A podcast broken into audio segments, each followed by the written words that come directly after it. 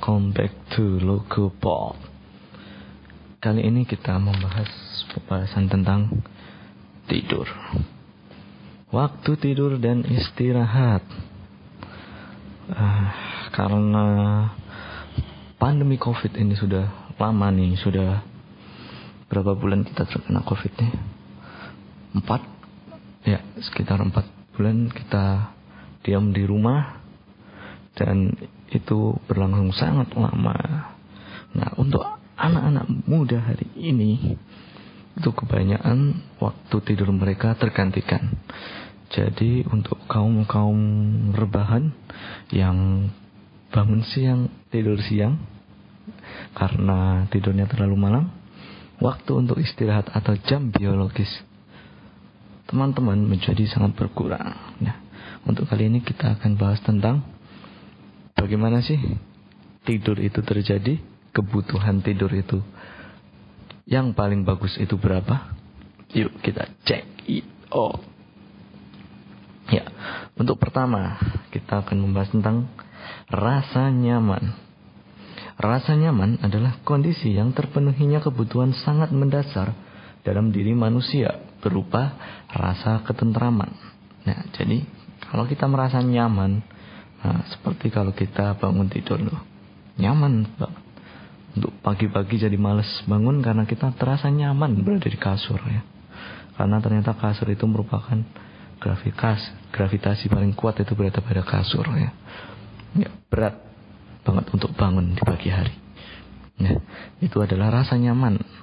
Jadi rasa tentram, kelegaan dikarenakan adanya kebutuhan yang telah terpenuhi atau tersenden Rasa nyaman di sini berkaitan dengan kondisi kenyamanan dalam istirahat dan tidur. Jadi, seseorang itu bisa tidur nyenyak, bisa tidur dengan pulas kalau ada rasa nyaman terlebih dahulu. Kalau kita nyaman dengan kondisi kita, istirahat kita pasti akan lebih efektif atau lebih enak ketimbang yang tidur dengan rasa tidak nyaman. Itu. Dua ada istirahat. Istirahat adalah keadaan tenang, rileks, tidak ada stres atau emosi, serta terbebas dari kondisi cemas. Dalam dunia keperawatan, seseorang perawat memiliki peran dalam menyiapkan lingkungan atau suasana yang nyaman untuk beristirahat. Jadi, perawat itu harus bisa mengondisikan lingkungannya atau bangsalnya supaya pasien itu dapat beristirahat dengan nyenyak atau dengan nyaman. Nah, bila pasien bisa beristirahat dengan nyaman, nah, diharapkan untuk pemulihan atau proses penyembuhan itu pasien bisa lebih cepat. Ada beberapa kondisi yang membuat seseorang dapat beristirahat.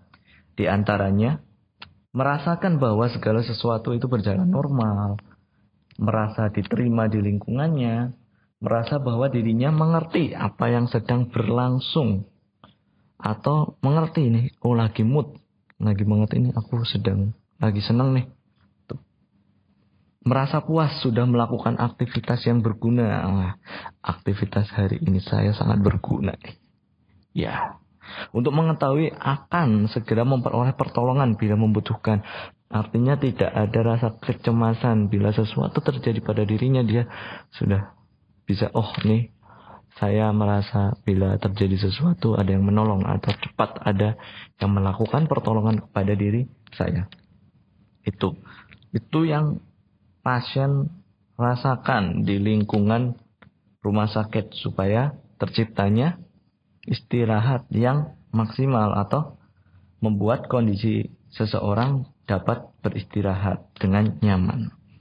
Kemudian tidur. Tidur adalah suatu kondisi perilaku dari sesuatu individu yang relatif tenang yang terjadi pada suatu waktu tertentu.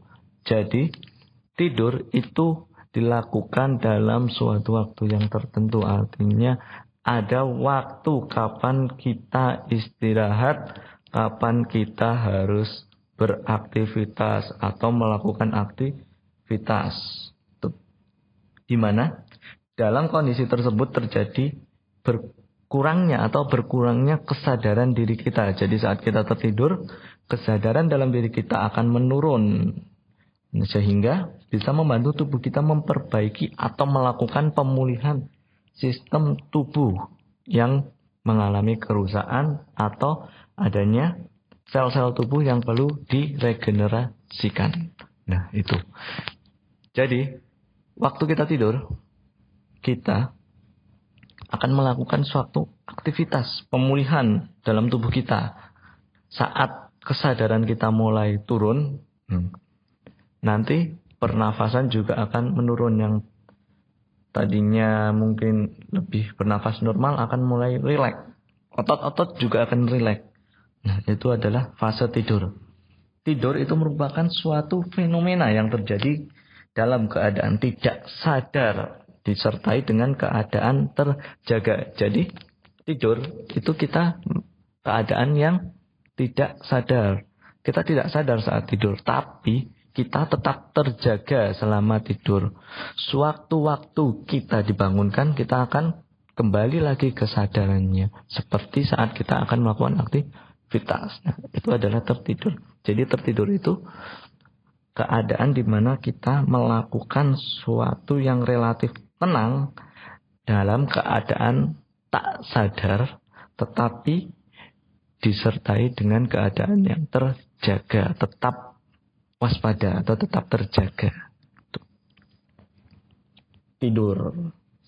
Bagaimana tidur bisa terjadi? Nah, untuk kaum rebahanus yang sering tidur tiduran fisiologi tidur kenapa kita bisa tertidur atau kita bisa ngantuk jadi tidur itu adalah sistem pengaturan aktivitas dari seseorang manusia melalui otak jadi di dalam otak itu ada proses secara silih berganti untuk mengaktifkan dan menekan pusat otak sehingga mampu mengontrol kegiatan tidur dan bangun. Jadi kita tidur dan bangun itu ternyata yang mengontrol adalah otak.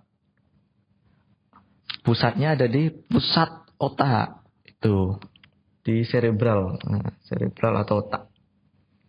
Proses tidur pada seseorang manusia diatur oleh sistem. Ada sistemnya. Aktivasi retikulasi fungsi sebagai pengatur kegiatan susunan saraf pusat serta kewaspadaan saat tidur. Nah, sistem aktivasi ini yang melakukan pengaturan kewaspadaan saat kita tidur. Jadi saat kita tidur kenapa kita bisa langsung terbangun saat dibangunkan atau saat dikagetkan oleh teman kita karena saat kita tidur kesadaran kita menurun tapi otak kita tetap bekerja untuk melakukan tadi gantian antara kesadaran dan terjaga. Nah, aktivasi kewaspadaan tersebut berada pada mesecephalon, pada bagian pons. Pons itu berada di tengah otak. Itu yang mengatur tentang kewaspadaan. Sistem aktivasi ini disebut dengan RAS atau Reticular Activation System yang memiliki fungsi mempertahankan kewaspadaan kita saat tidur, mengatur rangsangan visual, mengatur sistem pendengaran, nyeri, perabaan, serta mampu menerima rangsangan emosi dan proses saat kita berpikir. Pada sistem otak manusia, saat keadaan sadar, saraf otak RAS melepaskan ketolamin. Begitu juga ketika saat tidur. Pada saat manusia mencoba tertidur, kerja otak berusaha menutup mata dan kondisi tetap rileks. Di saat itu, stimulus RAS akan menurun. Jadi, jika kita sadar, RAS itu akan melepas ketolamin. Tuanya. Tapi saat kita tertidur, stimulus dari RAS itu akan menurun. Berusaha untuk manusia itu biar bisa tidur. Berada pada ruangan gelap dan tenang itu dapat meningkatkan kenyamanan saat kita tertidur. Jadi kita akan lebih mudah terlelap saat keadaan itu tenang, terus gelap ruangannya dan nyaman. Yang penting itu nyaman ya. Kita cari yang nyaman ya. Jadi begitu RAS menurun, aktivasinya kita akan merasa mengantuk. Kalau RAS-nya itu meningkat, kita akan waspada, akan tidak mengantuk. Hmm, jadi yang mengatur mengantuk tidaknya itu RAS. Nah, untuk tahapan tidur. Jadi saat kita tertidur itu ternyata ada beberapa tahapan-tahapan saat kita tidur. Ada empat tahapan tidur. Yang pertama itu adalah pola tidur biasa atau NREM. NREM itu singkatan dari non-rapid eye movement.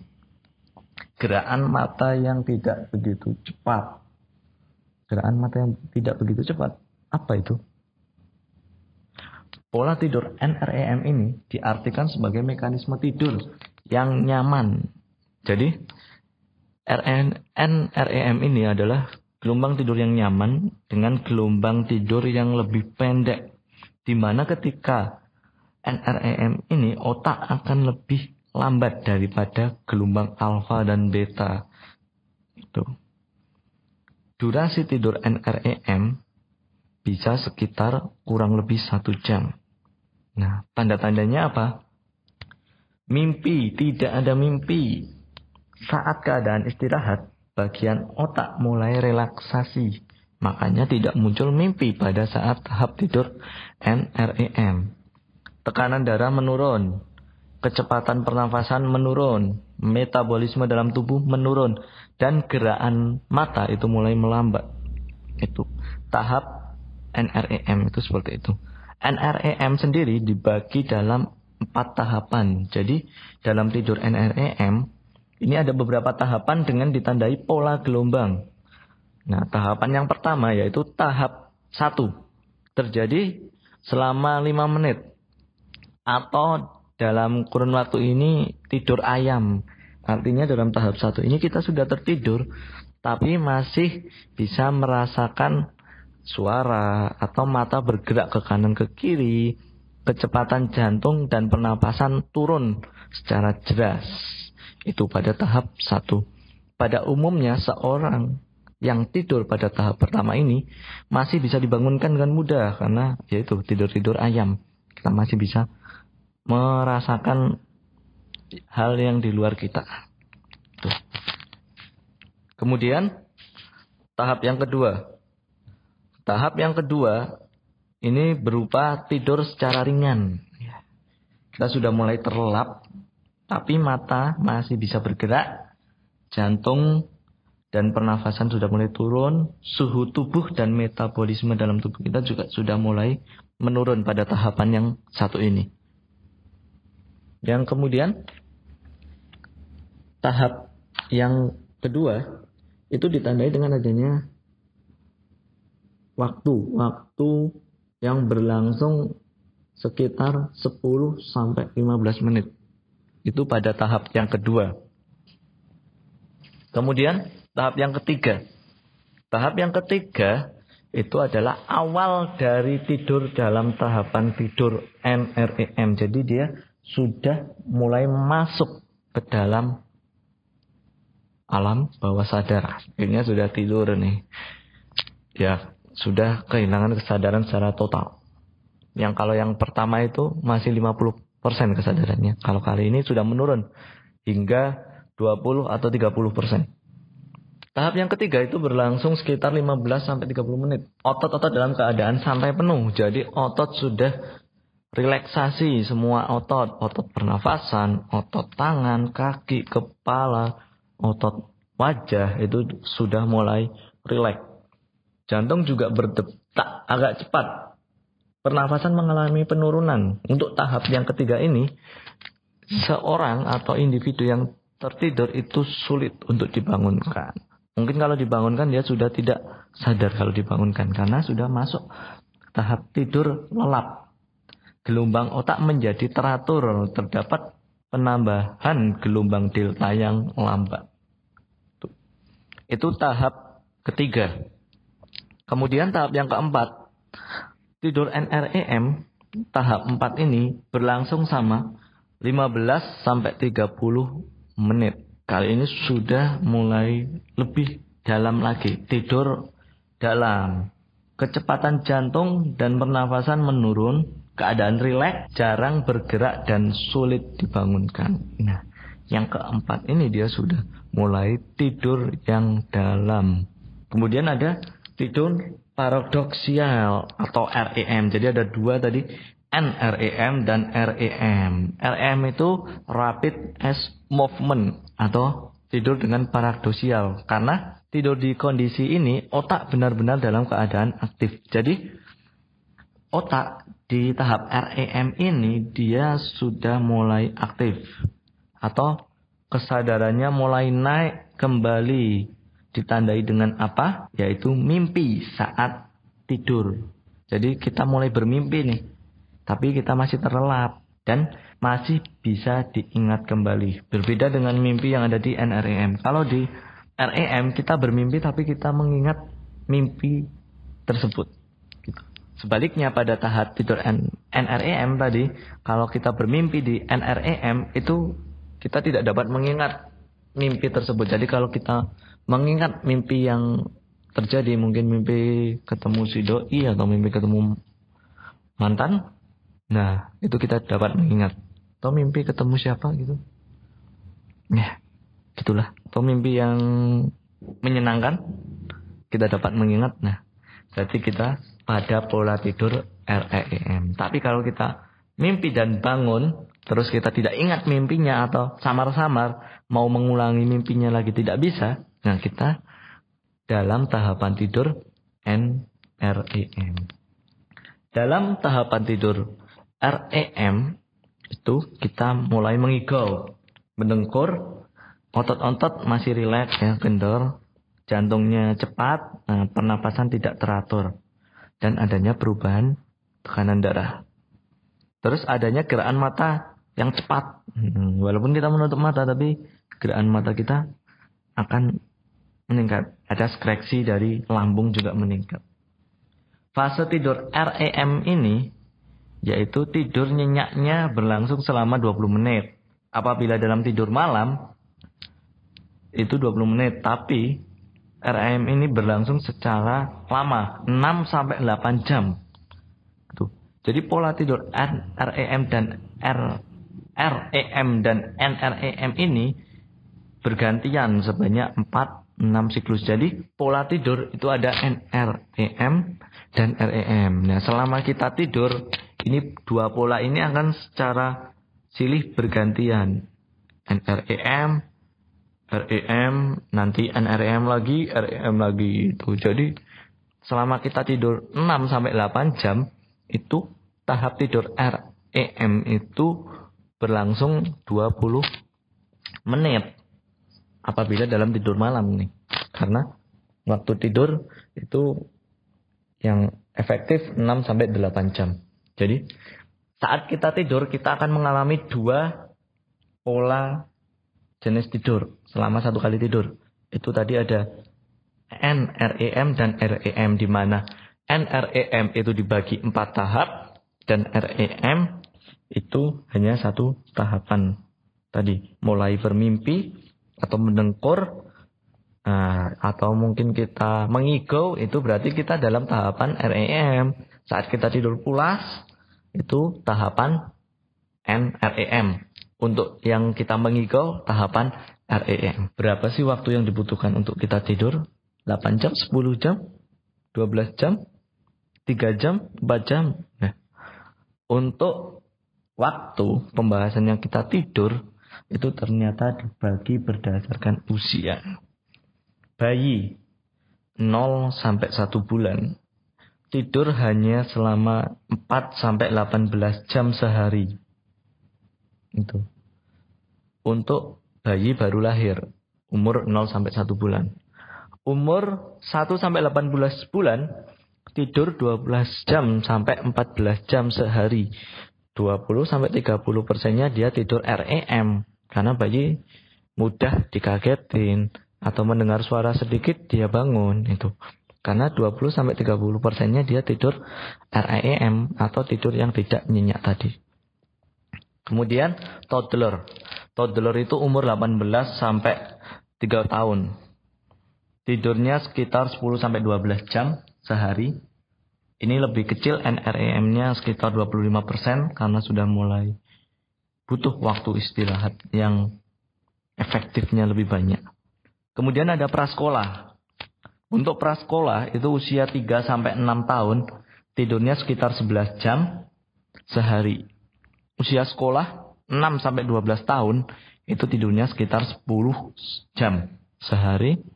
Remaja usia 12 sampai 18 tahun tidur sekitar 8,5 jam sehari. Dewasa muda. Dewasa muda ada 7 sampai 9 jam. Dewasa pertengahan 7 jam sehari. Untuk dewasa tua. Dewasa tua itu umurnya lebih dari 60 tahun atau sudah lansia ya. Sudah lansia, lebih dari 60 tahun.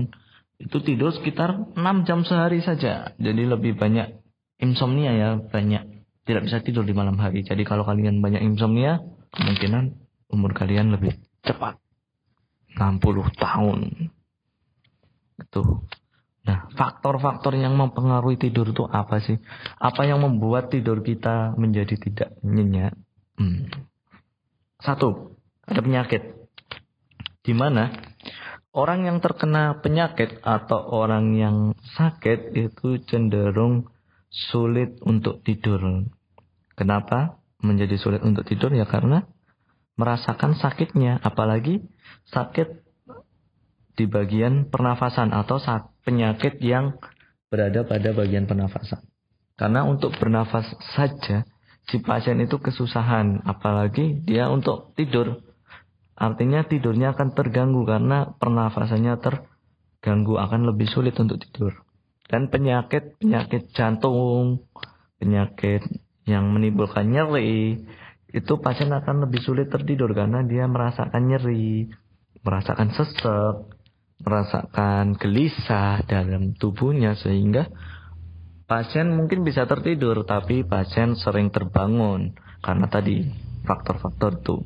Itu yang penyakit. Kemudian faktor lingkungan. Nah, faktor lingkungan ini sangat berpengaruh pada tidur-tidur seseorang. Nah, lingkungannya bagaimana? Mungkin kalau kita sendiri nih merasakan kita akan lebih nyaman ya.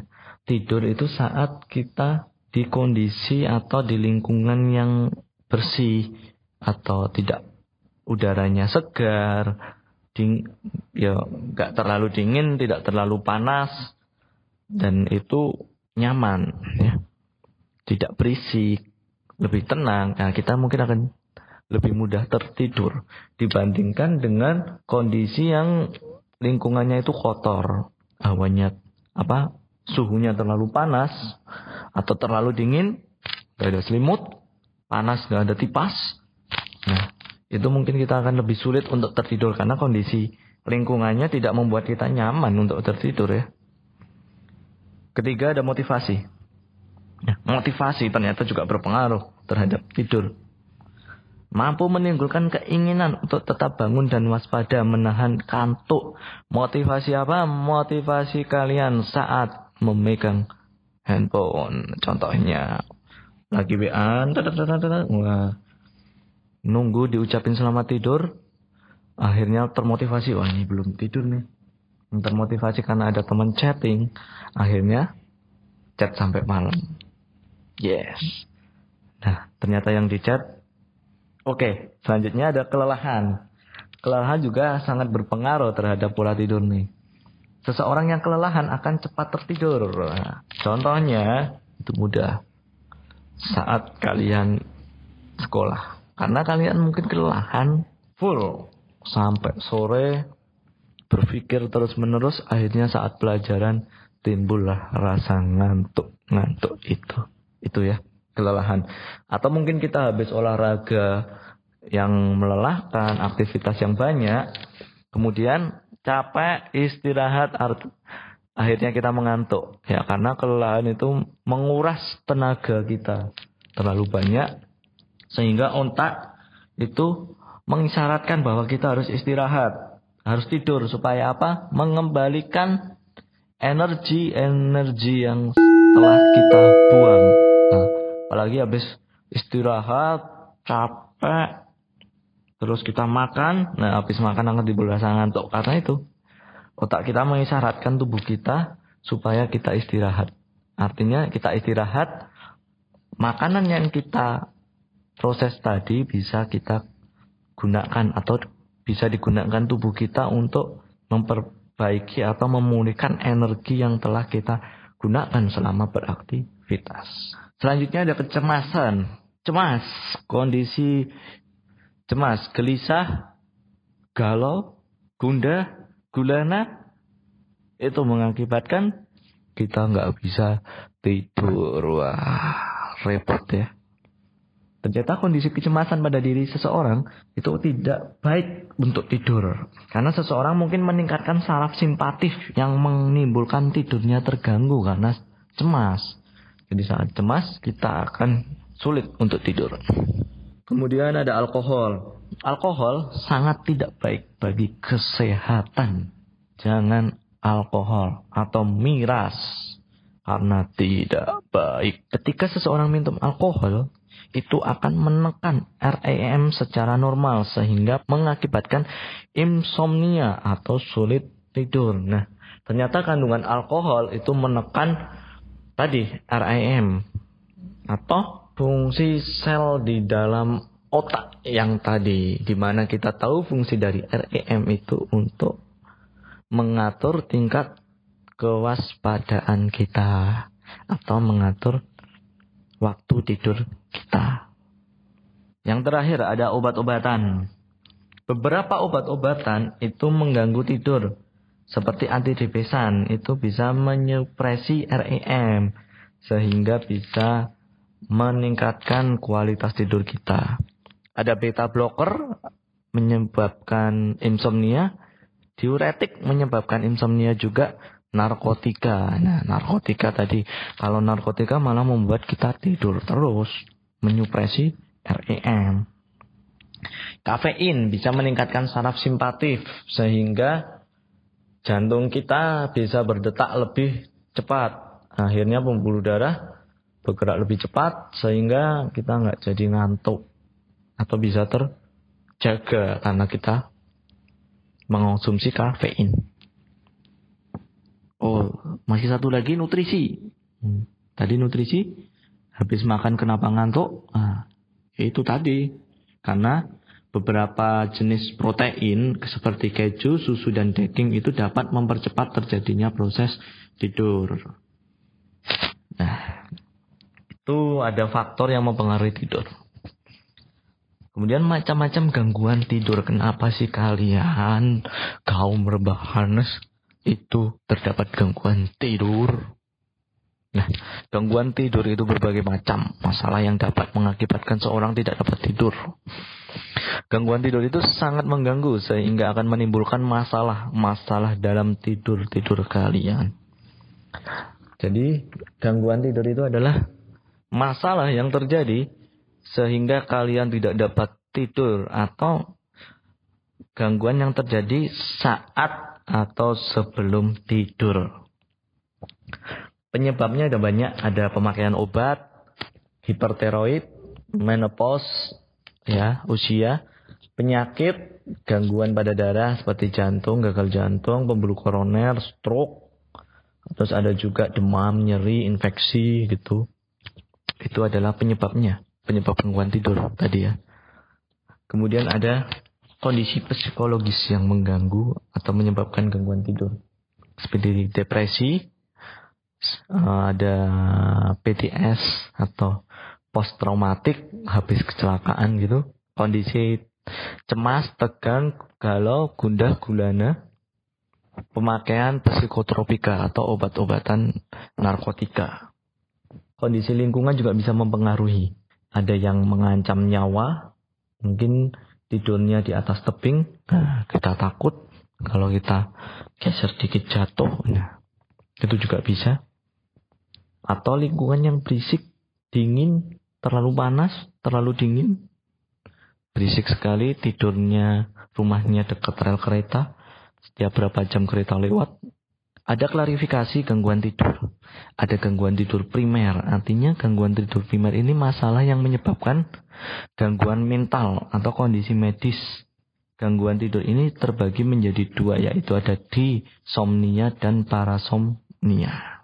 Oke, untuk dimsomnia, dimsomnia sendiri adalah gangguan tidur yang terjadi karena adanya gangguan pada jumlah kualitas, dan waktu tidur kita. Disomnia itu dibagi menjadi beberapa. Ada insomnia, ada hipersomnia, ada narkolepsi, ada gangguan tidur yang berhubungan dengan pernapasan seperti sleep apnea itu.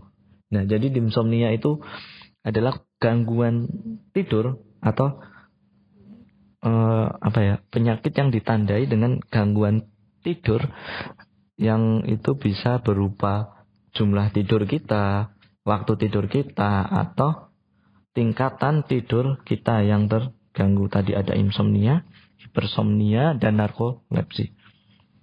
Kemudian yang selanjutnya ada parasomnia ya. Parasomnia itu juga termasuk bagian dari gangguan tidur atau ada yang namanya enuresis, enuresis, gangguan tidur primer. Ada enuresis, enuresis, terus sleepwalking, nightmare, night terror, itu termasuk dalam parasomnia. Jadi parasomnia itu gangguan kualitas tidur. Adanya episode-episode abnormal saat tidur. Beberapa episode abnormal yang dimaksud antara lain adalah jadi kalau insomnia itu gangguan saat kita menjelang tidur. Kalau parasomnia itu adalah gangguan tidur saat kita sudah tidur. Contohnya di insomnia itu ada insomnia. Insomnia masuk dalam disomnia. Insomnia itu nggak bisa tidur atau mau tidur itu susah. Kalau parasomnia itu gangguan saat kita sudah tertidur. Artinya parasomnia saat kita tidur ada episode-episode yang muncul atau tahapan tidur yang harusnya tidak muncul saat kita tertidur. Saat kita tidur tadi kan ada dua tahapan. M, REM dan REM. Nah, saat parasomnia itu nanti ada muncul tahapan baru. Contohnya, kita tidur tahu-tahu sambil jalan ke mana. Atau sweeping walking. Terus ada enuresisme atau ngompol. Kita tidur, mimpi ke kamar mandi, ngompol. Nah, itu adalah gangguan tidur atau penyakit dalam tidur. Ada juga mengigau atau yang disebut juga dengan nightmare, nightmare atau mimpi buruk tuh parasomnia. Gangguan tidur primer. Mungkin untuk yang lainnya karena durasi bisa jadi episode selanjutnya. Di sini dulu untuk pertanyaan kali ini, saya akan menanyakan sesuatu ya. Tadi kita sudah belajar sharing-sharing tentang gangguan tidur, masalah tidur apa sih itu tidur. Sebutkan faktor-faktor yang mempengaruhi tidur. Coba disebutkan dan jelaskan. Itu ya. Itu saja untuk hari ini. Kita next di episode selanjutnya. Jangan lupa tulis kolom komentar jika ada pertanyaan atau bertanya seputar gangguan tidur. Bisa bertanya di kolom komentar. Mungkin itu dulu dari saya. Salam sehat untuk hari ini. Jangan lupa gunakan masker saat berpergian. Cuci tangan kalian sebelum dan sesudah keluar rumah. Tetap jaga kesehatan selalu. Salam sehat.